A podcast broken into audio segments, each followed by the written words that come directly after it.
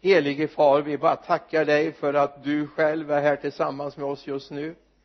Vi tackar dig herre för allt gott som du vill göra herre. Vi tackar dig för allt gott som du har i beredskap för var och en av oss. Herre tack för att du kommer att låta din heligande bara mata oss utifrån där vi är här i våra andliga liv. Jag tackar dig för att vi får räkna med dig och du transformerar in det här i våra hjärtan så att vi kan ta det till oss fader. Jag tackar dig för det i Jesu namn. Amen. Amen. Amen. Jag ska börja med rubriken. Tron är inte en teori utan att gå med Gud.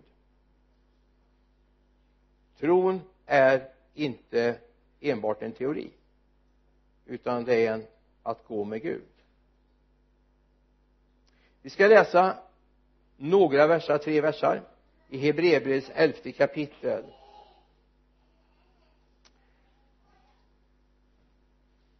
De första tre verserna.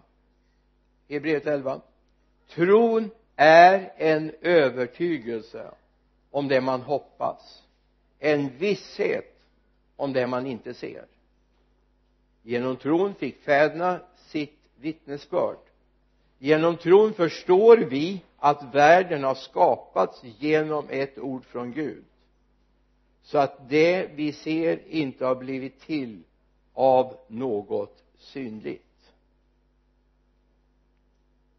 Tron är en övertygelse. Ordet som används för övertygelse är egentligen tron är ett fundament hypostasis ett fundament att ställa vårt liv på. Tron är ett fundament om det man hoppas en visshet om det man inte ser. Det är någonting som håller alltså. Jag vet inte men jag skulle kunna tänka mig att du hört den här lilla storyn berättas i många olika versioner men eh, det här är min version. Jag säger inte att det har hänt. Har jag ingen aning om jag har bara hört det berättas. Det är om medarbetarna som står och diskuterar hur man ska lösa ett problem på arbetsplatsen. Och då säger en av killarna att jag tror att vi ska göra så här. Då säger förmannen du får tro vad du vill men det får du göra i kyrkan. Här ska vi veta. Det här speglar lite granna problematiken med det här ordet tro som både kan användas för någonting jag hoppas eller kanske kommer att ske. Jag tror att bussen går klockan 19.03 men den kan också gå 19.01 jag, jag vet inte men någonstans där omkring eller jag tror att det blir bra väder imorgon. Jag kan ju inte veta men jag tror det. SMHI talar någonting om att det skulle bli bra väder. Ja det gjorde de förstås inte. Tyvärr. Alltså tro som hoppas. Men sen har vi också tron som är någonting fast. Någonting jag kan stå på.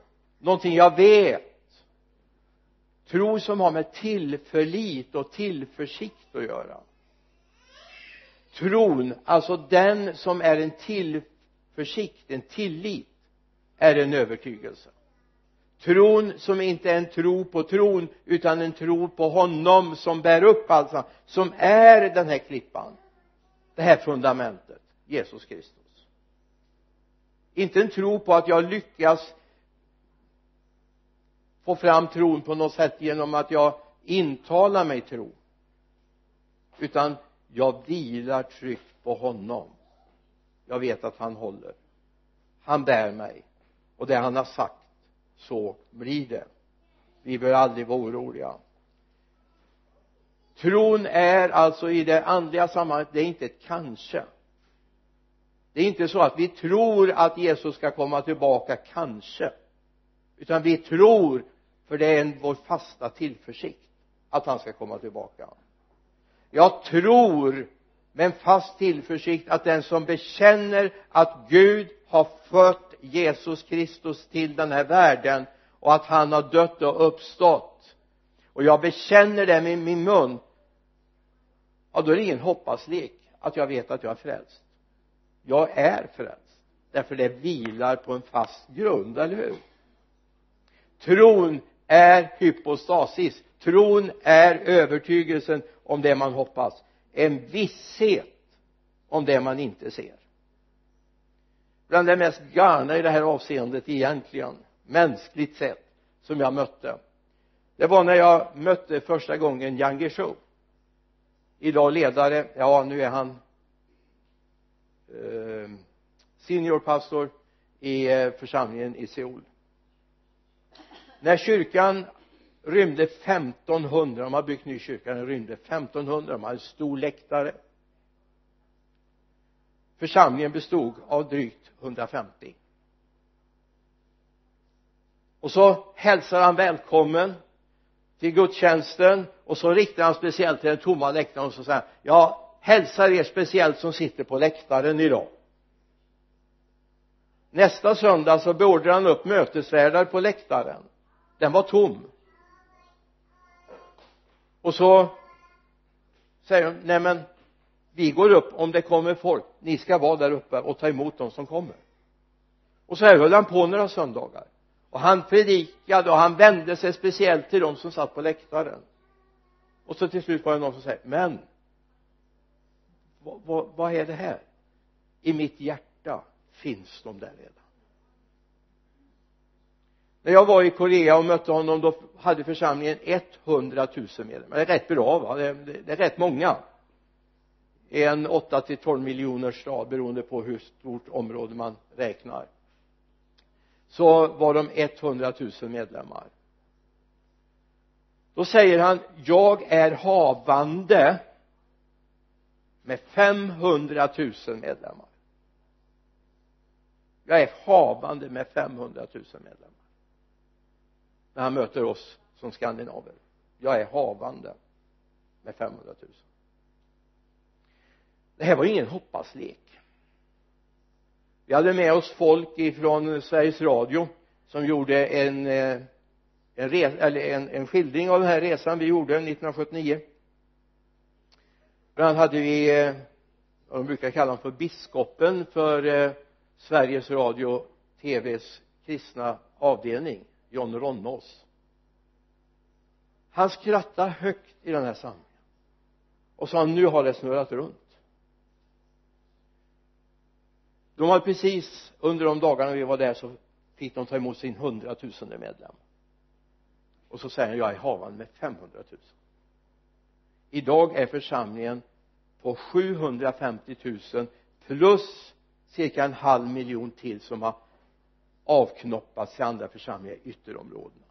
1,2 miljoner medlemmar har kommit ur den församlingen. Och då skrattar John Ronnås åt att han var havande med 500 det här var en tro som Gud hade grundat i hans hjärta därför han i sin vandring hade lärt känna vem Jesus är. Det här var 1979 församlingen bildades 1964 och det var inte en överströmning av medlemmar från andra församlingar utan man vann utifrån medlemmar. Man började ett militärtält. Där började man verksamheten med ett tiotal och så tillsammans med sin svärmor Yashil Shoi som eh, var hans högra hand under den här tiden. Idag är den församlingen på 1,2 miljoner medlemmar. Han var havande.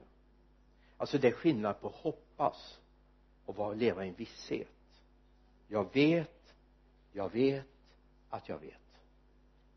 Därför jag har varit med honom.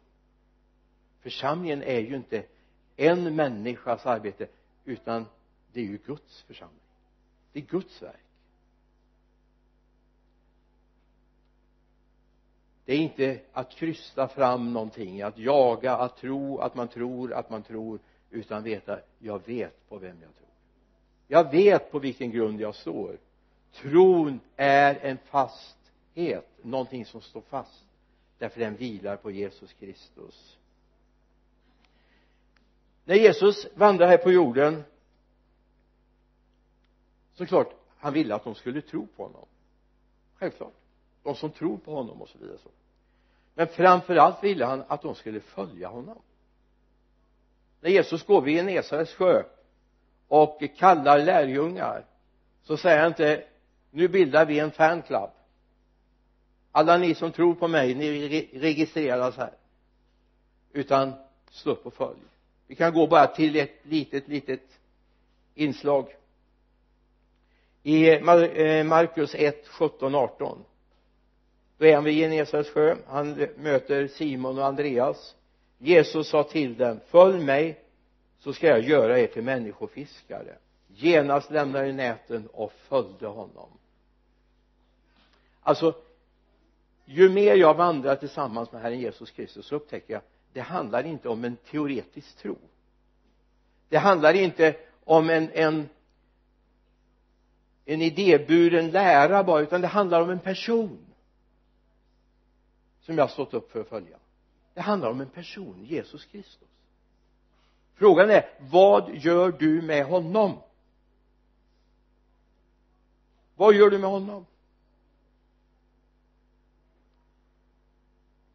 Det handlar om ibland att stå upp faktiskt och lita mer på honom än omständigheterna. När Petrus eller Simon som han kallas här och Johannes eller Andreas eh, står upp och går likaså de andra brödraparet så de visste ju väldigt lite om Jesus egentligen. Väldigt lite. Han hade ingen megakyrka i Jerusalem han var en kringvandrande predikant. Men de litade på honom. De lämnade näten. De lämnade det som de försörjde sig med. Och de stod upp och gick. Vi har lättare för att tro på vissa saker att överlåta oss till vissa idéer. Men när det börjar krävas att jag faktiskt ska lämna för att gå med honom då får vi problem. Likadant har vi när det gäller Paulus. I eh, apostlagärningarna 16 där eh, Paulus berättar verserna 9 till 10 på natten såg Paulus en syn. En man från Makedonien stod där och bad dem komma över till Makedonien och hjälpa oss.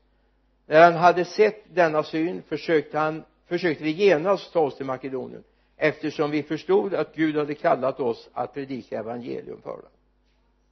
Och här ska vi lära något annat. Ibland tror vi och har fått för oss att bara vi går med Gud så är det problemfritt. No problems. Bara vi går med Gud. Men så enkelt är det inte.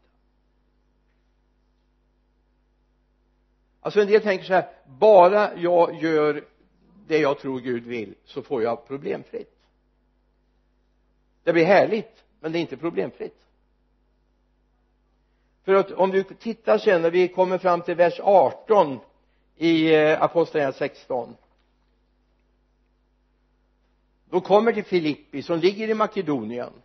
De gör så som den här mannen som de upplevde Gud hade sänt. De gjorde så, de tog sig till Makedonien som då inte ska förväxlas med Makedonien som tidigare hörde till Jugoslavien utan Makedonien som är en provins i Grekland. De åkte till till den provinsen. Och så kom de till Filippi och så gick de till ett böneställe och så var det en, en kvinna som eh, profeterade och skaffade goda inkomster till dem som hon var slav under. Och hon profeterade och hon uttalade saker över Paulus. Och så står det i vers 18 så gjorde hon flera dagar men Paulus blev upprörd och vände sig om och sa till anden jag befaller dig Jesu Kristi namn att fara ut ur henne. Och i samma ögonblick for den ut. När hennes herrar såg att allt hopp om inkomster var ute för dem grep de Paulus och Silas och släpade dem till torget inför stadens myndigheter de förde fram dem till stadens domare och sa de här männen stör ordningen i vår stad. De är judar och förkunnar seder som det inte är tillåtet för oss som romerska medborgare att anta eller följa. Folket gick också till angrepp mot dem och domarna slet av dem kläderna och befallde att de skulle piskas. Det gick många, de fick många rapp och kastades i fängelse och fångvaktaren fick i befallning att noga bevaka dem. När han fått en sån befallning satte han dem i den innersta fängelserummet och spände fast, dem, fast deras fötter i stocken. I midnatt var Paulus och Silas i klagosång. Lovsång, ja det är bra. Jag bara fick se att ni var med. Och vi midnatt var Paulus och Silas i bön och sjöng lovsånger till Gud de andra fångarna lyssnade till den plötsligt kom ett kraftigt jordskalv så att fängelset skakades i sina grundar. I samma ögonblick öppnades alla dörrar och allas bojor löstes och föll av. Fångvaktarna vaknade fångvaktaren vaknade och när han fick se att fängelsets dörrar stod öppna drog han sitt svärd och skulle just ta sitt liv eftersom han trodde att fångarna hade flytt. Och så kan vi fortsätta läsa inte någon hade flytt. Inte någon. Och vad händer sen? Hemma hos fångvaktaren. Jo fångvaktaren med hela sitt hus blir frälst. Alltså det här lär oss någonting. Vi skulle kunna ta oss andra sådana här exempel om skeppsbrott och lite av varje som Paulus får genomlida va? Får eh, firas ner över muren när eh, de är på, på väg att ta hans liv och så här. Alltså ibland har vi fått för oss att blir vi bara kristna så är det liksom bara segla fram. Allting blir så enkelt. Och har vi den bilden så tror vi att minsta lilla motstånd då får vi problem. Är Gud inte med oss längre? Ja men Paulus och Silas som sitter i fängelse ja men Gud har ju sagt att vi ska hit. Och Gud har gett oss ett uppdrag att kasta ut demoner så var i är problemet Gud? Eftersom vi får sitta i fängelse innerst i fängelsehålan. Så det, det var ju verkligen bäddat för klagosång, eller hur? Eller hur? Det var bäddat för klagosång. Men inte. De var stadda i bön och lovsång. De prisade Gud. Alltså det är viktigt att vi ser att vara ledd av Gud och alltid ha mänsklig framgång är inte samma sak. Att människor klappar mig på axeln och säger vad bra du har, är. Vad duktig du är. Du gör allting rätt. Vi lever i en värld som är fylld av ondska. Och det är klart vi i förhållande till världen kommer göra fel. Eller hur? Gör vi bara det världen vill då gör vi fel vill vi bli bara tilltalade av den här världen och säga vad duktiga ni är, vad bra ni gör saker. Då kommer vi göra fel. Men däremot om vi står på honom och litar på honom så kommer vi få problem med världen.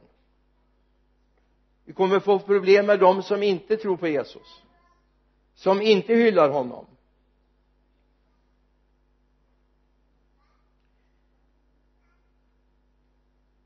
Tron är inte bara en tom teori.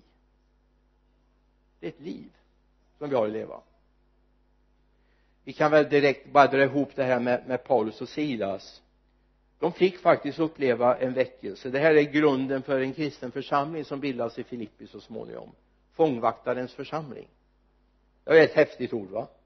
Ja, det står ingenstans. Men fångvaktaren och hans familj var liksom grunden för någonting som började hända i Filippi från den här dagen. Och det är viktigt att se okej okay, vi får lida förtryck. Men det är Guds ord som blir förkunnat. Guds namn blir ärat och helgat. Tron ryms inte lyssna tron ryms inte i logiskt tänkande. Det hörde vi också förra helgen. Eller hur? Alltså logik och hjärtats tro hör inte allt ihop och det är viktigt vi ser. Alltså vi ska tro med hjärtat och inte med hjärnan. Och det alltså hjärnan är inte konstruerad för tron egentligen. Men vårt hjärta är det. Och därför är det viktigt att tron får landa i våra hjärtan. Vi kan inte alltid förstå allting som händer. Jag menar vem av oss kan förklara att vattnet vek undan när Mose gick över Röda havet med Israels barn. Eller Josua gick över Jordan. Det fanns inga logiska förklaringar. Jag, jag vet, jag har hört massa stories om vad som hände att när man gick över Jordan så var det just i den tiden när vinden vände. Det är verkligen att det, det hände inte någon mer gång. Det hände då eller att en död uppstår. Att livet kommer tillbaka till någon som har dött. Det finns inga logiska förklaringar till det, eller hur? Men i mitt hjärta kan jag tro det eller hur? Och det är en väldig skillnad att landa i hjärtats tro. Hjärnan kommer alltid få problem med Gud därför Gud går faktiskt liksom snäppet över. Vi kan inte ens tala om överkurs för det är överkursernas överkurs va? Men vi måste lita på honom. Vi får bara tryggt luta oss mot honom. Han kan det och han vill det. I romarbrevets åttonde kapitel finns ett spännande sammanhang. Verserna 14 till 16 det står till alla som drivs av Guds ande är Guds söner ni har inte fått slaveriets ande så att ni på nytt skulle leva i fruktan när ni har fått barnaskapets ande i vilket anden vilket vi ropar Abba fader. Anden själv alltså Guds ande vittnar med vår ande att vi är Guds barn. Anden själv vittnar med vår ande inte med vårt förstånd inte med vårt förstånd utan med vår ande. Och hemvisten för anden brukar vi ju säga det är hjärtat. Alltså Gud har förmåga att genom sin ande kommunicera med det som finns i mitt hjärta. Det ska pågå en kommunikation hela tiden. Guds ande kommunicerar med min ande om den är överlåten till Jesus Kristus. I Johannes 6 66 till 69 så uppstår en problem. Jag med när församlingar avfolkas ibland och, och människor går andra vägar så, så var det inget nytt. Det hände redan på Jesu tid va. Det står efter detta drog sig många av hans lärjungar alltså Jesu lärjungar tillbaka så att de inte längre följde honom. Jesus sa därför till de tolv inte vill väl också ni gå bort? Simon Petrus svarade honom herre till vem skulle vi gå? Du har det eviga livets ord och vi tror och förstår att du är Guds heliga. Vi tror och förstår. Alltså det går inte att vända på det och säga vi förstår därför tror vi. Det, så skulle vi gärna vilja ha det, eller hur? Vi förstår därför tror vi. Men så är det ju inte. Tron kommer först och förståndet sen. Så var det för eh, Yang Guillou alltså tron hade fyllt hans förstånd tron hade fyllt hans förstånd. Det var alltså inte hans förstånd som hade fyllt hans tro.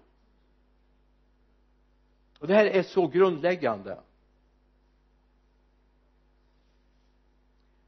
Tron måste fylla vårt förstånd. Tron måste vara inkörsporten för vårt tänkande. För det är där det föds detta att vi vågar lita på Gud vi tror och förstår att du är Guds helige. Vi tror och förstår att du är Guds helige. Det är inte så att vi, vi förstår och därför tror vi att du är Guds helige. Utan vi tror alltså Guds ande får fylla vårt sinne, våra tankar så att vi till och med förstår det.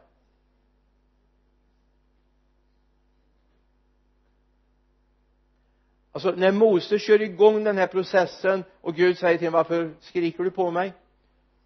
Säg till folket att ni ska dra vidare. När de står där vid Röda havets kant Egyptens här bakom berg på båda sidor.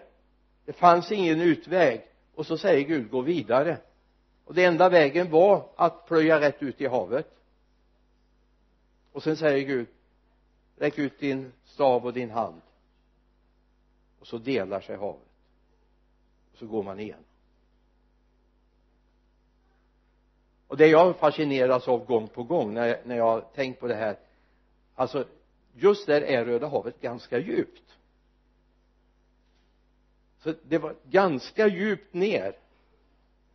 Och så så klättrade man på kanten. Nej det står ju att Egyptens herrar körde med sina vagnar ner. Så Gud hade alltså ordnat en landbrygga på något sätt va?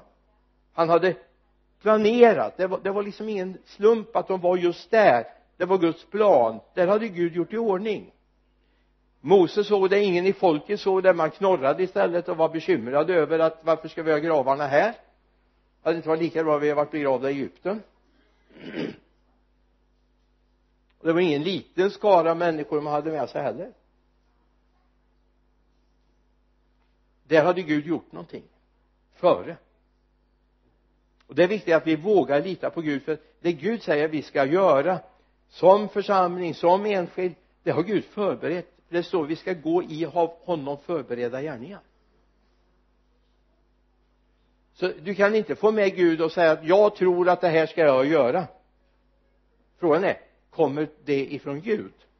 Är det han som har sagt det? Vem initierade det du gör det du inte gör?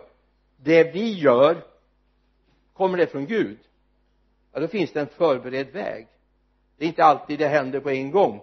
Som eh, vi sa här i, i fredags i undervisningen att det här med profetia det, det är inte så enkelt alltid att, att förstå. Jag menar ta Jesaja profetian. Det var ju den vi hade uppe då. När vi läste om förebilder i gamla testamentet till eh, nya testamentet framförallt till Jesus då var han var född och vilken stad och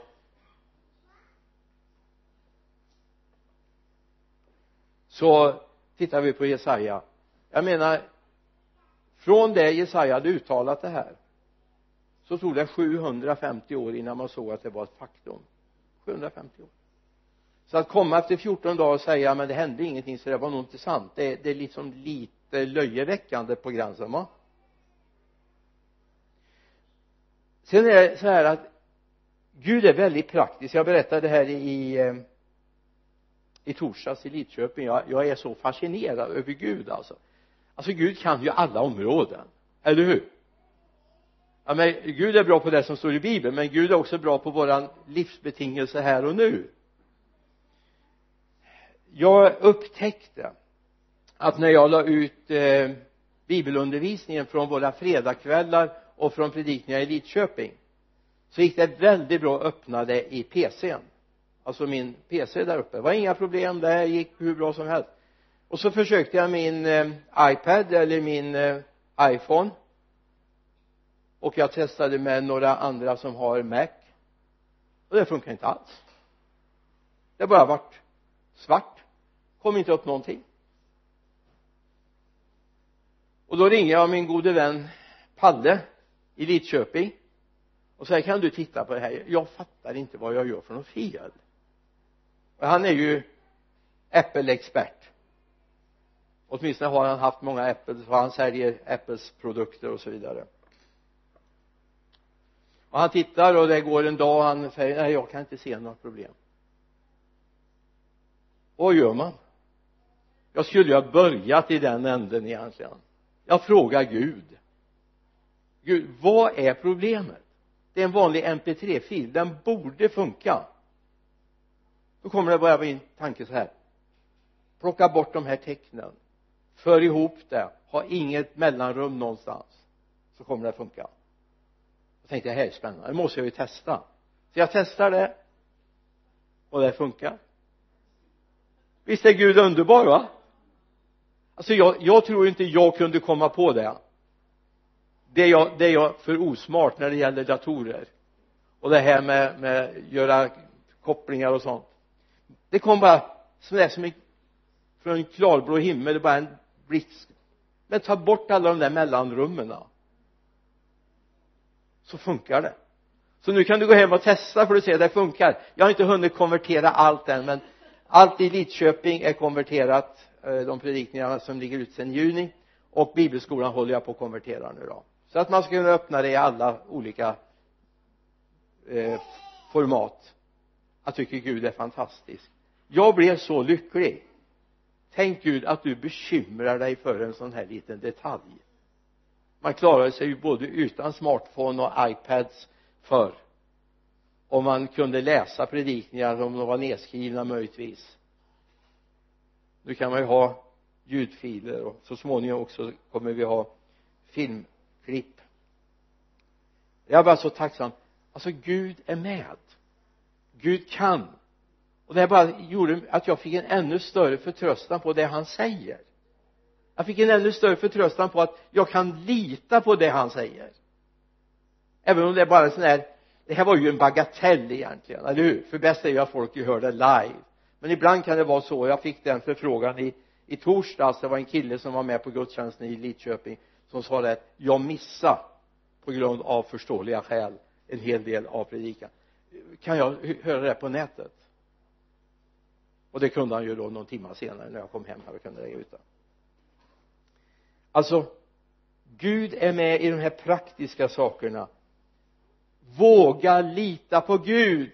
Det här varit en test för mig. Det har varit en någonting som gjorde att min tro växte.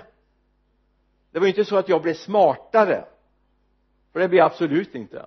Men jag fick en större tillit till att våga lita på vad Gud har för infallsvinklar och vad han vill säga. Och Gud begriper sig på datorer. Visst är det bra? Jag tror inte han behöver någon dator men vi arma stackars människor vi kan ju behöva ibland och då fattar han ju det. Så det handlar om att våga släppa taget jag tror det här är ett av våra största problem i troslivsområdet det är att våga släppa taget. Jag kan. Ni vet det här. Vi, det tar väldigt lång tid för oss som kristna att komma ur eh, det andliga barnstadiet. Ni vet det här när barnen börjar klä sig själva. Jag kan. Jag kan. Och så sätter man höger stövel på vänster fot. Jag kan och man förstår ju att det är ju inte så särskilt smart egentligen om man ska gå i trappor och så vidare ut med, med skorna på fel fot. Men ibland är man ju så lycklig över att barnen växer och utvecklas va. Så man har svårt att säga nej men det här blev fel. Kanske vore bra att göra det ibland säga till dem att det är fel. Men vad är det vi ska släppa taget? Det är bra att vi växer, att vi utvecklas. Men det finns någonting där vi behöver släppa taget också ett exempel har vi i Markus evangeliets tionde kapitel.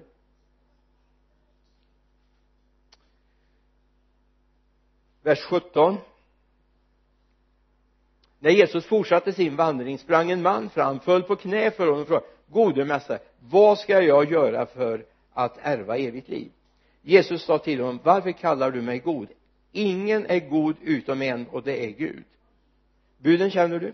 Du ska inte mörda, du ska inte begå äktenskapsbrott, du ska inte stjäla, du ska inte vittna falskt, du ska inte ta ifrån något det som är hans. Hedra din far och mor. Mannen sa mästare. Allt detta har jag hållit sedan jag var ung. Jesus såg på honom och fick kärlek till honom och sa ett fattas dig och sälj allt vad du äger och ge åt de fattiga. Så ska du få en skatt i himlen och kom sedan och följ mig. Vid de orden blev mannen illa till mots och gick bedrövad sin väg ty han ägde mycket. Ja vad ska vi säga om det? Vi kan sitta fast. Vi kan sitta fast. Här är exemplet när det gäller eh, ägodelar. Jesus säger att det är svårt för en rik att komma in i himlen. Det är som eh, att en kamel ska komma igenom ett synhållsöga och lärjungarna säger hur ska man då kunna bli frälst? För Gud är allt möjligt. För människor är det omöjligt men för Gud är det möjligt. Alltså det här är nog den enda texten där jag finner att en människa som med ett ärligt uppsåt kommer och söker honom och vill få evigt liv går bedrövad ifrån det mötet. Men här händer det. Och jag tänker så här om jag hade varit Jesus här och jag är väldigt tacksam för att jag inte är eller var då hade jag sprungit e- efter och sagt ja men du kan ju åtminstone sälja hälften av det läget eller lite grann i alla fall visa att du vill men det fanns ingen möjlighet till kompromiss. Därför Jesus ville inte kompromissa för att han ska inte få en kompromissad tro. Han ska få en full tro. Alltså ibland är det så här att vi måste släppa taget. Det här är jättesvårt för oss att inse att vi måste släppa taget om saker och ting. Arbete, boende, pengar kompisar etc, etc för att få det som är fullkomligt. Alltså idag att berätta om den kamp jag hade när jag fick släppa taget det, det är så långt tillbaka så jag har svårt ens att inse att det var ett problem då. Men det var ett problem då. Alltså jag var erbjuden en lön som var tre gånger så hög som min pappa hade i månadslön jag var erbjuden en fri gratis utbildning på högskolan.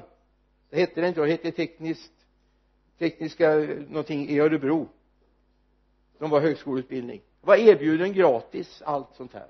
Läroböcker, praktikplats, allt.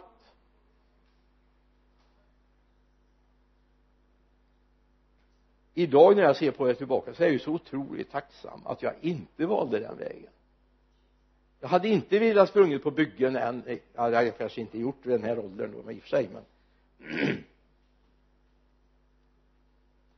jag är så tacksam att det här inte blev en så stark lockelse för mig så att jag avstod. Det Gud kallade mig till. Men då i det perspektivet alltså jag vet ju vad pappa hade i månadslön. Jag vet vad jag var erbjuden. Jag vet att jag var erbjuden fri utbildning jag var erbjuden praktikplats och jag var erbjuden ett jobb. Allt det här. Och jag är så tacksam att Gud kom emellan. Jag har ju fått jobb så att jag räcker till. Och jag har det bra. Jag har det underbart roligt. Jag är, jag är så tacksam till Gud. Men någonting vi ska ha med oss och det är det som står i Johannes 15 och 5 det är när vi läser om vinstocken och grenarna.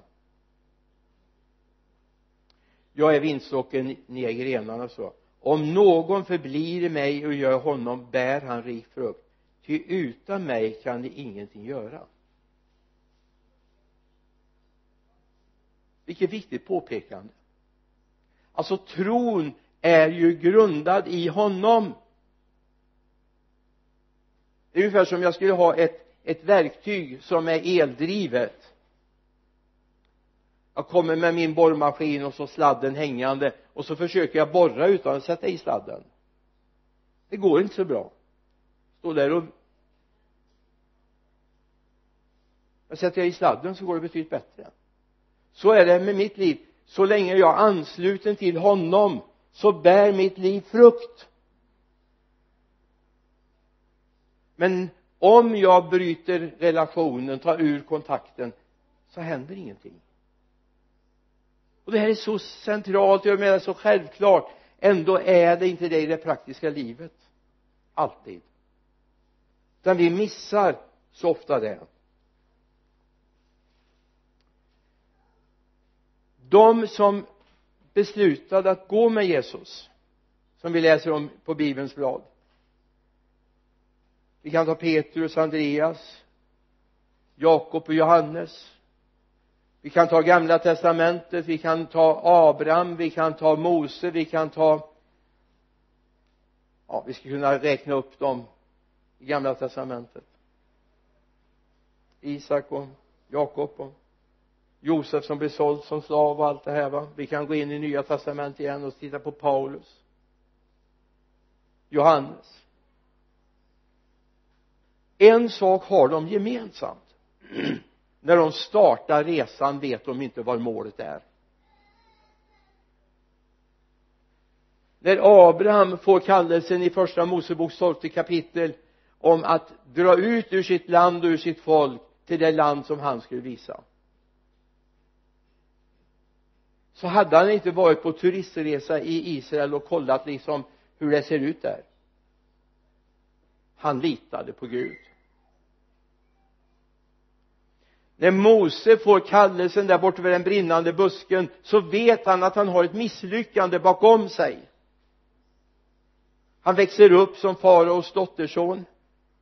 Han blir irriterad när han ser hur hans landsmän bråkar. Det går överstyr och han får fly ut i öknen för sitt livs skull men när kallelsen kommer så är han beredd att stå upp. Visst får Gud övertala honom men så småningom går han som ledare för detta folk ut ur Egypten.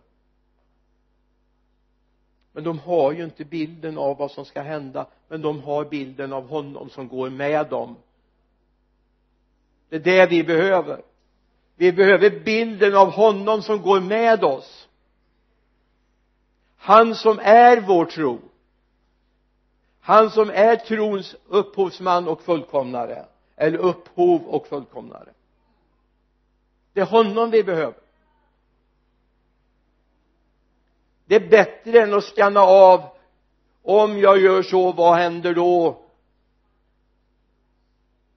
Jag tror inte ens du kan googla på det.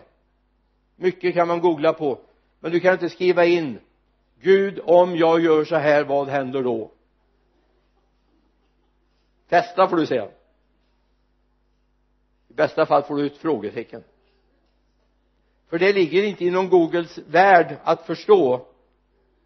Inte ens facebookvärlden kan förklara för dig vad som kommer sen. Men vi har en Gud som går med oss. Han är vår tro. Tron som är en övertygelse om ting som vi inte ser.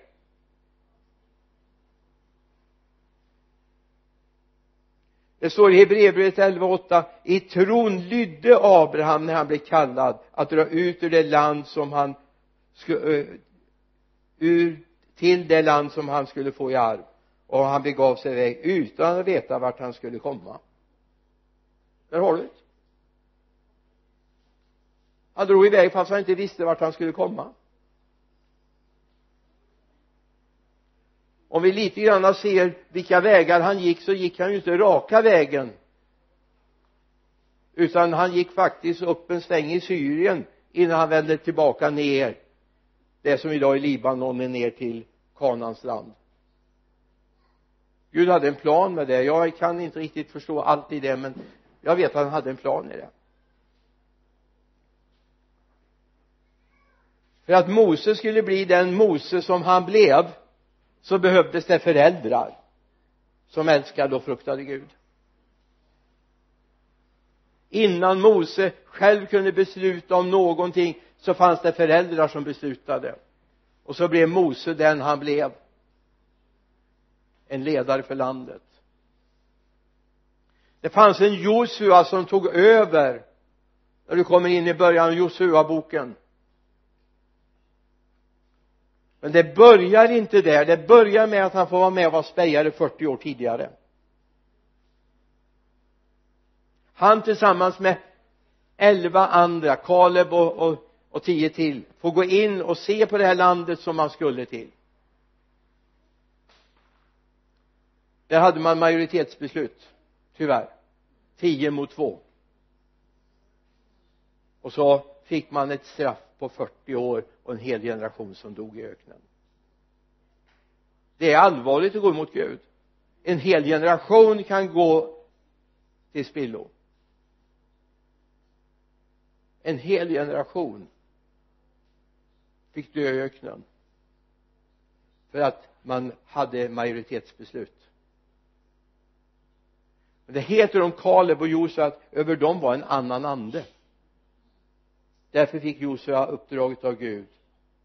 Det står om en ung man som aldrig vek ifrån Moses sida och uppenbarelsetältet. Det var Josua. Han gjorde läxan väl. Och så fick han uppdraget att ta med folket över Jordan in. Och det är en spännande men jag hinner inte gå in på det nu. Det är en spännande resa om vad man gör när man går över. Vi har en Paulus. Apostlagärningarna 9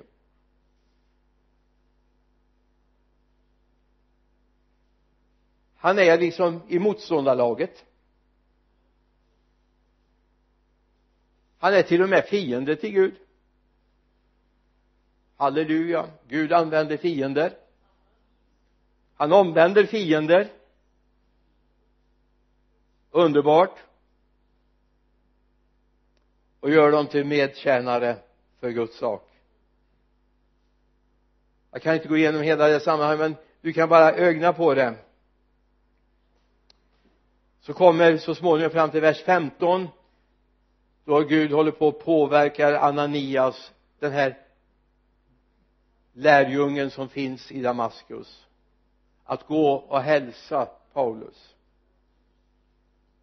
När du kommer till vers 16 så och jag ska själv visa honom hur mycket han måste lida för mitt namns skull. Hallå va? Yes nu blir du kallad att gå med Gud men jag ska tala om för dig hur mycket du ska få lida. Det är ingen enkel resa du har. Ett antal skeppsbrott du ska få bli pryglad många gånger. Du ska sitta i fängelse, du ska svälta. Och du ska känna mig. Välkommen var det någon som sa det till dig när du blev frälst? Jag ska visa dig hur mycket du ska få lida för mitt namns skull. Mm, de ska gissla dig, de ska sätta dig i fängelse. Och vi som tror att det är åka räkmacka och vara frälst. Det är inte det. Men det är härligt. Det är välsignat, det är underbart.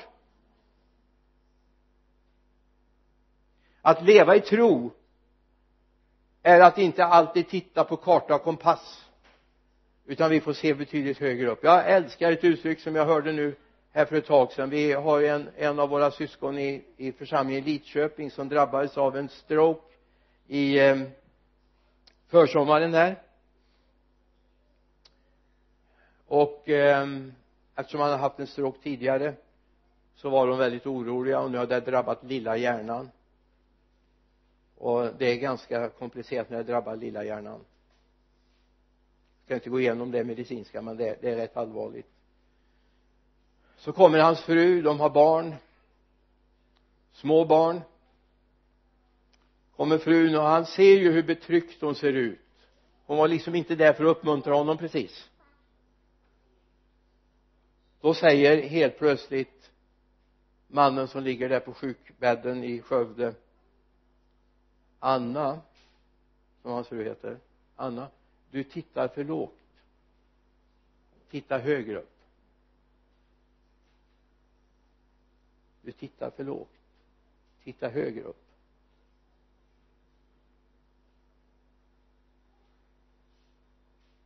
Och jag skulle vilja säga till oss vi tittar för lågt. Titta högre upp. Fäst inte din blick på jorden. Vi ska ha vår blick fäst vid honom trons hövding och fullkomnare. Det är honom vi ska se på.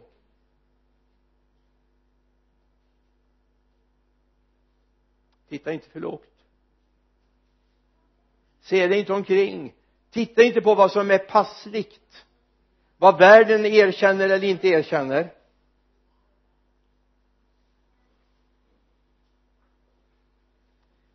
Frågar inte när, när dina ofrälsta kompisar dunkar dig i ryggen och säger vet det här är häftigt, det är bra det här du gör vet du. Det kan hända att de säger något helt annat. Gud har inte lämnat dig för att de säger något annat vet du. Men de har lämnat Gud. Den ekvationen borde du ha med dig. De har lämnat Gud. Det är viktigt att du lever i ödmjukhet inför honom. Han som är huvudet för denna församling. Honom måste du leva i ödmjukhet inför. Men om världen dunkar dig i ryggen det är oväsentligt. Det är snarare ett problem. Jag ska inte gå in på det nu. Det kan bli en predikan för sig. Be dig om världen talar väl om dig. Det gjorde de också om de falska profeterna. Du är erbjuden att få leva i tro. Det kan hända att du inte ser målet. Det kan också vara så som det var för Yang Guizhou han hade en vision, han var havande med någonting. Han ville vandra med den helige ande. Och jag får säga vet det räcker att du kommer till en församling som har passerat 150-200 medlemmar i Sverige så har ju knappast någon tid att titta på medlemmarna i ögonen en gång. Eller i västvärlden. Jag var där på en gudstjänst vi var 14 000 i den gudstjänsten. Det här var ju ändå i, i öst där man kanske har liksom en högre dignitet som pastor. Man blir doktor väldigt tidigt och så här va? Han går raka vägen ner när han predikat när gudstjänsten är avslutad går han rakt ner bland folket och kramar om de gamla gummorna och ungdomarna och det är klart han hinner ju inte krama om alla 14 000 då hade han något att göra en stund. Men ändå han finns mitt bland folket. Jag tror att det lite grann har präglat den församlingen. Man hade sju gudstjänster på söndagen så um, nu predikar inte han alla sju det ska också sägas. Men det är viktigt att vi ser att vi är ett tillsammans. Att vi aldrig sätter oss på höga piedestaler och tror att vi är någonting utöver andra utan vi är ett. Men vi har blicken på honom. Vi har blicken på honom. Då kommer tron i ditt hjärta att växa. Då kommer tron för det församlingen står i växa ska säga när vi började här jag och Birgitta en gång i tiden och Kirsti fanns med på den tiden också. Alltså även om jag tycker vi inte är så många idag så var det ju inget mot vad det var då. Jag kunde räkna dem nästan på en hands fingrar plus min familj. Rätt bra vet du. Det är, jag kan inte det idag. Jag kan inte räkna på en hands fingrar idag.